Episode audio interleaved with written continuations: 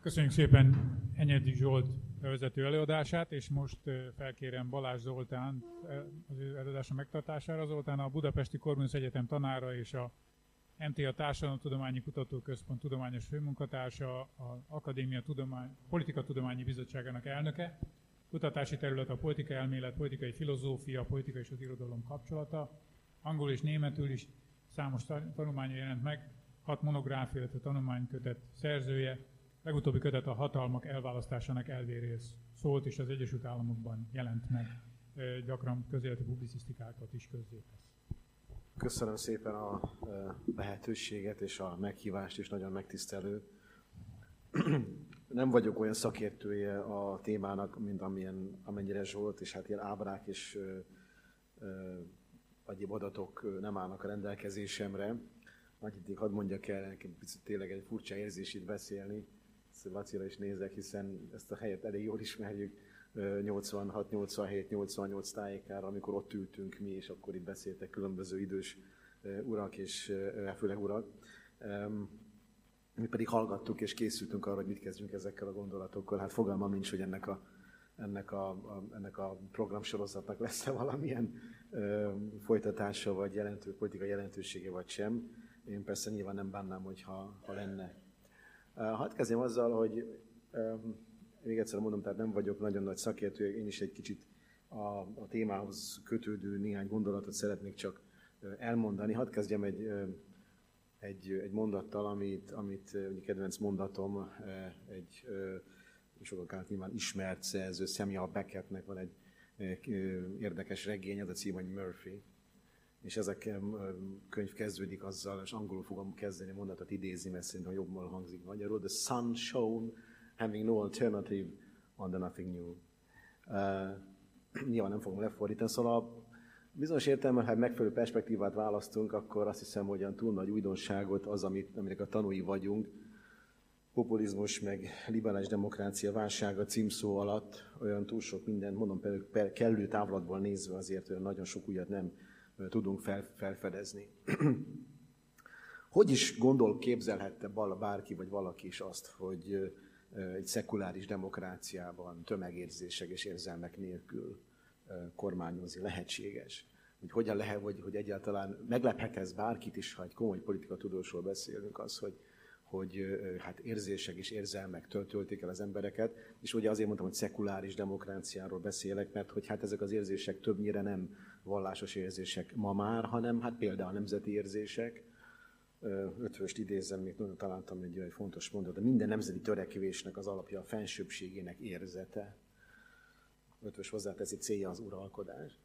Szóval, tehát olyan nagyon nagy újdonságot ez nem okozhat. Az újdonságot legfeljebb az okozhat, hogyha azt képzelhettük, hogy a nemzeti érzésnek, érzelmeknek valamiféle kiment volna, ezek kimentek volna a divatból csak azért, mert azt, gond, azt látjuk, hogy egy adott történelmi korszakban éppen ezeknek nincsen különösebb konjunktúrája.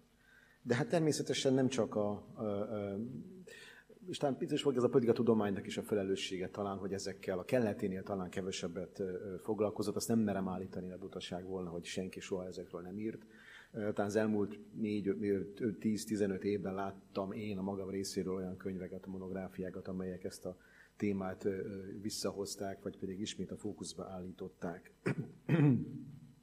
Talán picit a politika tudománynak is részben talán a felelőssége, hogy a politikusaink egy része is talán elszokott attól, főleg Európában talán, ugye gondolkozunk Trumpon, meg a többieken. Tehát ezek az emberek tudnak beszélni tömegek nyelvén, tömegekkel. Ez a politikusnak a munkájának, a hivatásának a része. Nem tudom, látottam valaki Junkert tömegek előtt beszélni. Valószínűleg nem, nem nagyon. Persze nyilván azért a hivatáshoz Európában is hozzá tartozik, hogy ilyen tömegrendezvény, kampányrendezvényeken nyugati politikusok is megkíséreljenek, hogy mondjam, szónoki teljesítményeket leadni. Ennélkül nincsen politika, az akkor is a politika része, hogyha esetleg a, a hivatásos politikus talán erről esetleg már elfelejtkezett, vagy elfelejtkezni látszik, vagy elfelejtkezett volna. És hát persze az is igaz, ez a második gondolat, hogy nem csak nemzeti érzések tölteni töltik be a demokráciákat, a úgynevezett nyugati vagy fejlett demokráciákat is, hanem bizonyos valaki most hadd támaszkodni, időnként fogok a Zsoltra mutogatni, így megerősítő, hogy éppen talán vitatkozó modorban vagy gesztussal, tehát arra, arra hivatkozó, amit ő úgy mutatott be, hogy hát a liberális valamiféle világrendnek volt egy, és most sincs, van egy, van egy, van egy felhajtó ereje, egy dinamik, egy, egy trendszerű terjedése, amivel én nem is nagyon vitatkoznék, csak arra mutatnék rá, hogy ez nem egyszerűen csak egy értékek vagy szabályoknak a, a, a terjedése, hanem, hanem érzések és érzelmek terjedése is.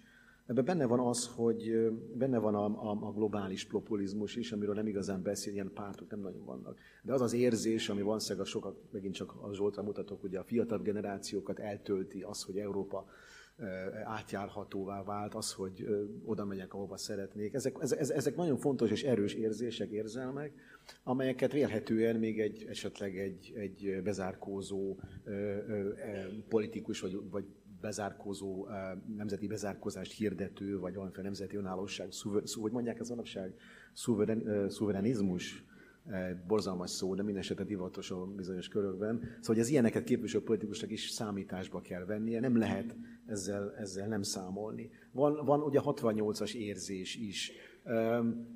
Talán nem egészen keresgélt a magyar miniszterelnök rossz helyen, amikor a 68-at úgy, úgy rá, ráfókuszált, mert hogy, mert hogy ezt a bizonyos trendet, amiről is beszéltünk, ezt ő, ezt ő mint igazi vérbeli politikus van, szóval nagyon jól érzékel, és őszintén, vagy nem őszintén, de mindesetre keményen ehhez szóvá teszi, vagy pedig témává teszi. Van 68-as érzés van 68-as baloldal, aztán azóta vannak újabb és újabb, mondhatnám az is, hogy új, új, új baloldalok, baloldali érzések, érzelmek, hát ezeket, ezeket, ezeket is számításba kell venni. És persze ott van a legfontosabb érzés, amit a Tocqueville úgy fogalmazott meg, hogy az egyenlőség szenvedélyes, vagy szenvedelmes szeretete, vagy intál szenvedélye, amely ugye a szabadság iránti szenvedély, ami szintén fontos érzés, hajlamos legyőzni. Hát egy demokráciában, és a Tocqueville demokrácia, az kötötte ezt a dolgot, mutatni ezt az, a demokrácia anyagának, mondhatnánk így is. Ez az érzés sem tűnik el, sem tűnhet el, ez is itt van, itt van velünk.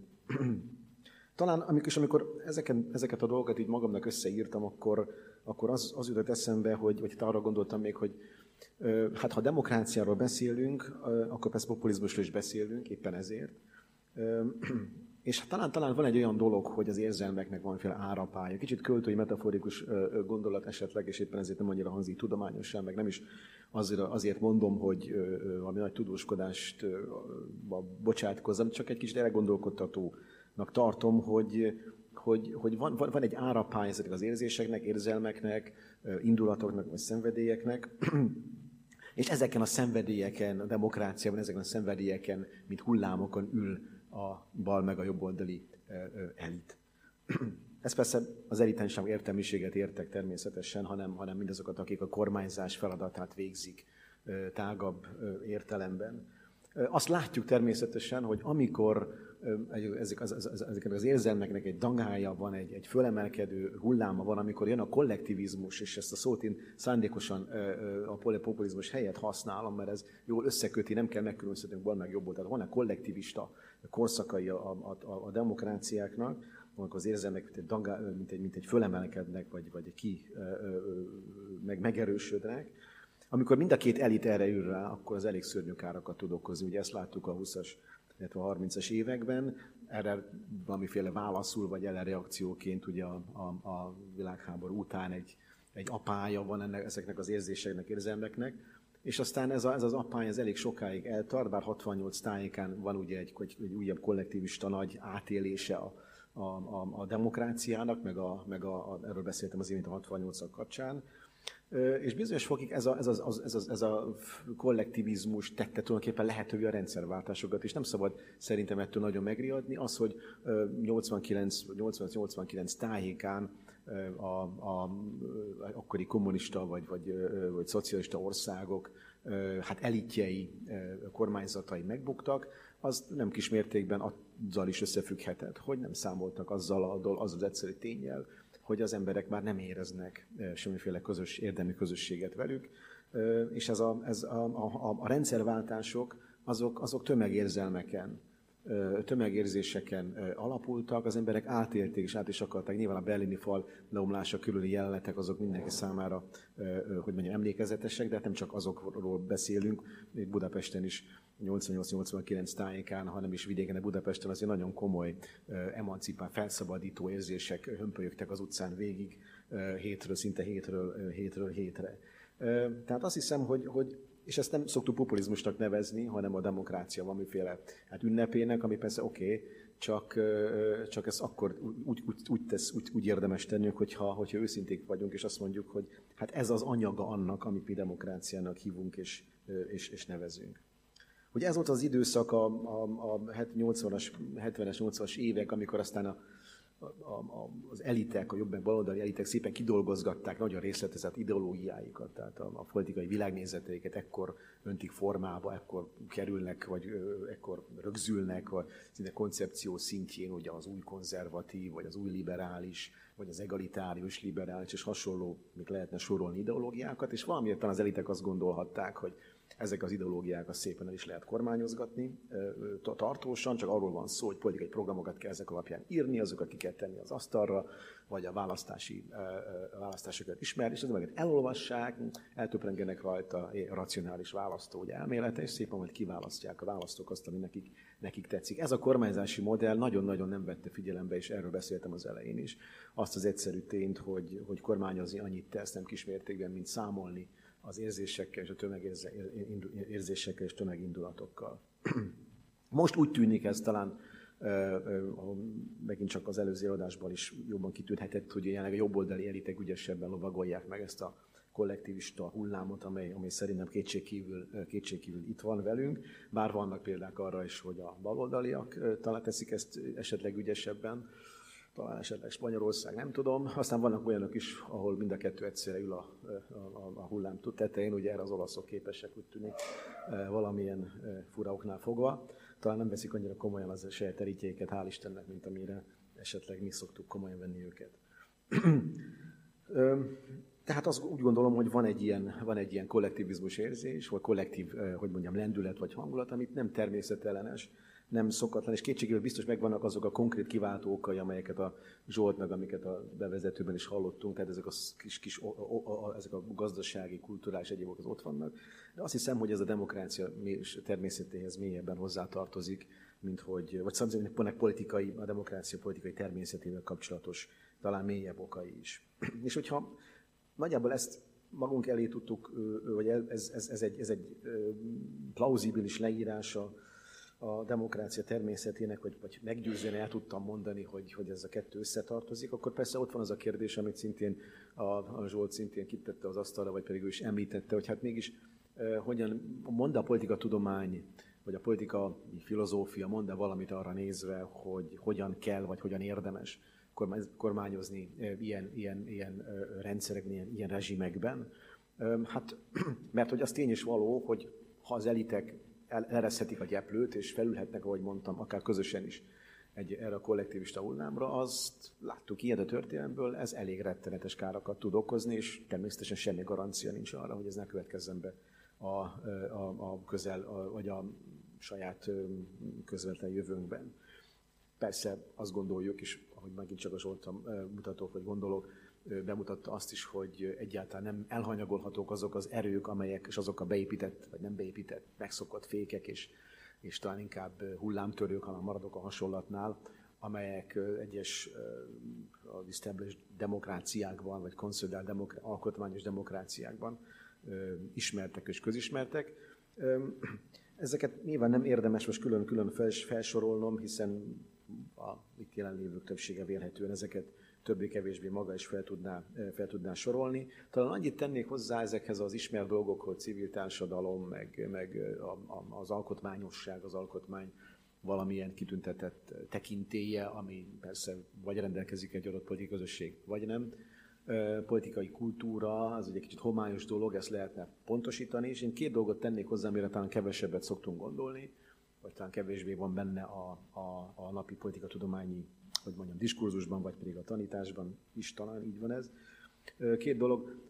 Az egyik az, hogy, hogy én azt hiszem, hogy, hogy a, a, a, a politikatudománynak érdemes volna, ha nem is megpróbálkozni azzal, hogy vissza valamiféle módon közvetlenül, közvetlenül hasznosítsa Platont vagy Arisztotelészt, De az a, az a gondolata mindkét görög filozófusnak, mi szerint az emberek nagy része valószínűleg nem olvas alkotmányokat, nem foglalkozik jogászkodással, nem, ahogy mondtam, nem valószínű, hogy ideológiai, ideológiai hát, módon, vagy ideológiailag szakképzetté tenni, szeretné tenni magát.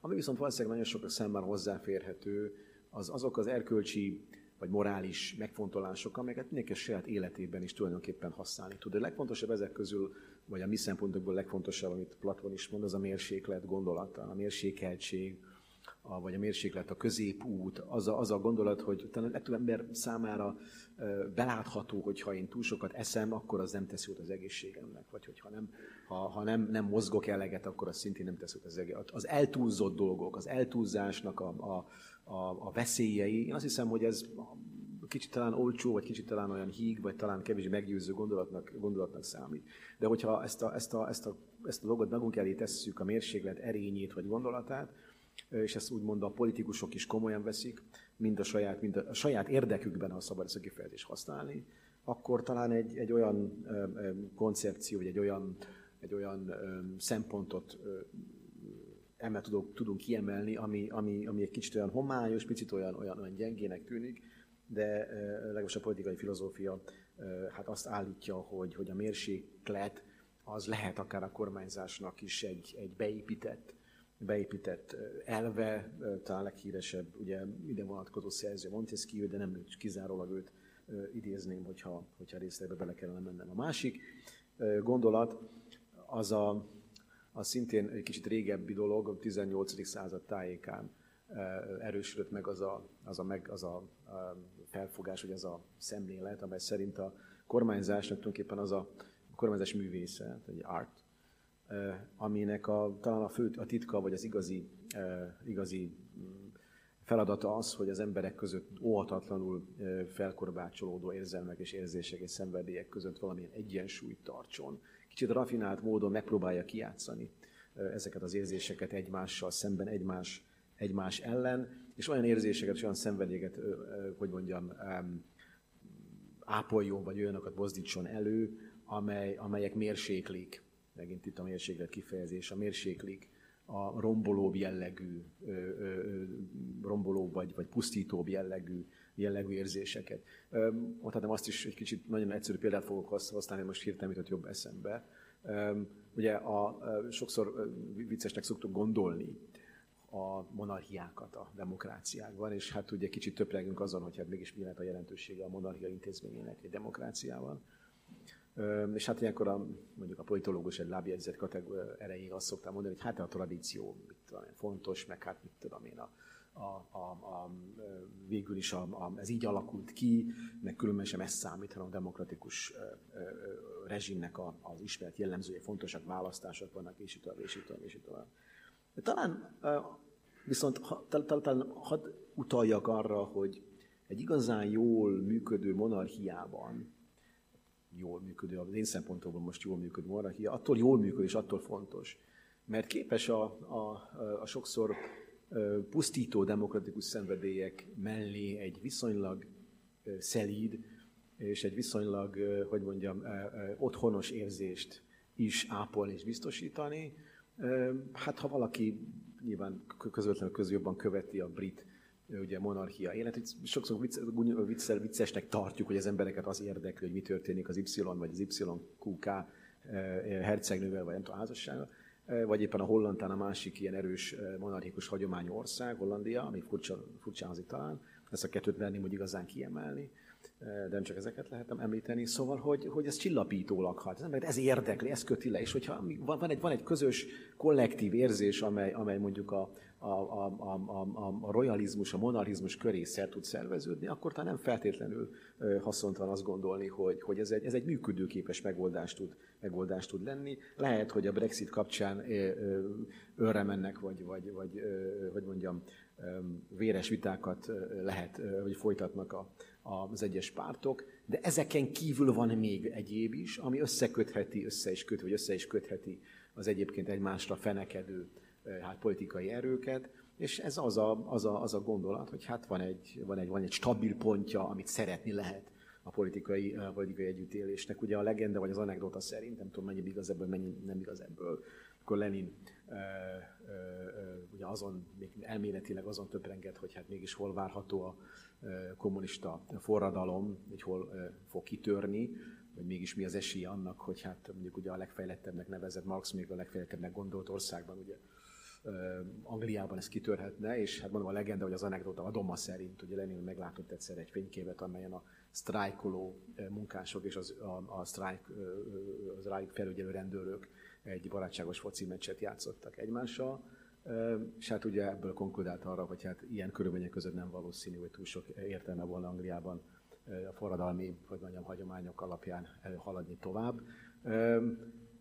Ő aztán tudta, hogy hogyan kell a szenvedélyekkel bánni, hogyan kell ezeket felkorbácsolni, és hát Oroszországban, bár a cári, család, a cári család nem volt egy kimondottan szeretett család, egy más dolog, hogy mi volt, mi nem volt. Nem akarom dolgot túl, túl, túl részletezni, egyszer a gondolat lényege tehát az, hogy, hogy nem kell félni az érzések érzelmektől, de a 18. században többen is azt gondolták, hogy, hogy az igazi, a kormányzás művészeti az azt tartozik hozzá, hogy az az igazi, az adja a kormányzásnak a, a, a, a, a csúcs teljesítményét, hogyha az elitek képesek az érzésekkel úgy bánni, hogy az, azok, azok ne okozzanak pusztítást. Éppen csak teljesen véletlenül, és ezzel be is fejezem a mondandómat, teljesen véletlenül találtam egy másik idézetet a minap, amely a következőképpen hangzik, egy magyar politikustól van. Szem, idézem, tehát szenvedét fölidézni néha kell és szükséges, de csak akkor, amikor közvetlenül valami cselekvés is követheti. Így tettünk a, ez sokat ez elfogáló és sok mindent kimondhatta, így tettünk a burgellandi ügy küszöbén. Állandóvá tenni azonban a legnagyobb hiba. A közvélemény, ha berögződik különösen a gyűlöletbe, megköti az ország politikáját, és lehetetlenné válik minden olyan politikai mozdulat, amely alkalom, ami alkalomattán hasznos és célirányos volna. Mi nálunk magyaroknál az a folytonos agitálás és közvéleménymérgezés különösen veszélyes. Ugye Bánfi Miklósról van szó, ugye a burgellandi ügy az a, a burgellandi népszavazás, azt megelőző magyar nagyon hatásos agitációra utal, de hát ugye ott van az a, a, a vérbeli politikusnak a, a, az észrevétele, hogy élni kell tudni a szenvedélyekkel, amikor az történelem ezt kívánja, de, de bizony a, a, a, a politika, ha úgy tetszik, felelősséges, az elit felelőssége, hogy amikor szükséges, akkor, és amikor ez, ez, a, ez a, a cél elér, elérődött, vagy a célt elértük, akkor az a, ezeket a bizonyos ö, ö, szellemeket a palacba vissza lehessen tenni. Én szerintem, ha ilyen perspektívával tekintünk a populizmusra, meg a, meg a, a, a liberális demokrácia válságára, akkor egy picit talán optimistábbak lehetünk, de hát ezt majd önök elmondják, hogy így van-e vagy sem. Köszönöm szépen a figyelmet.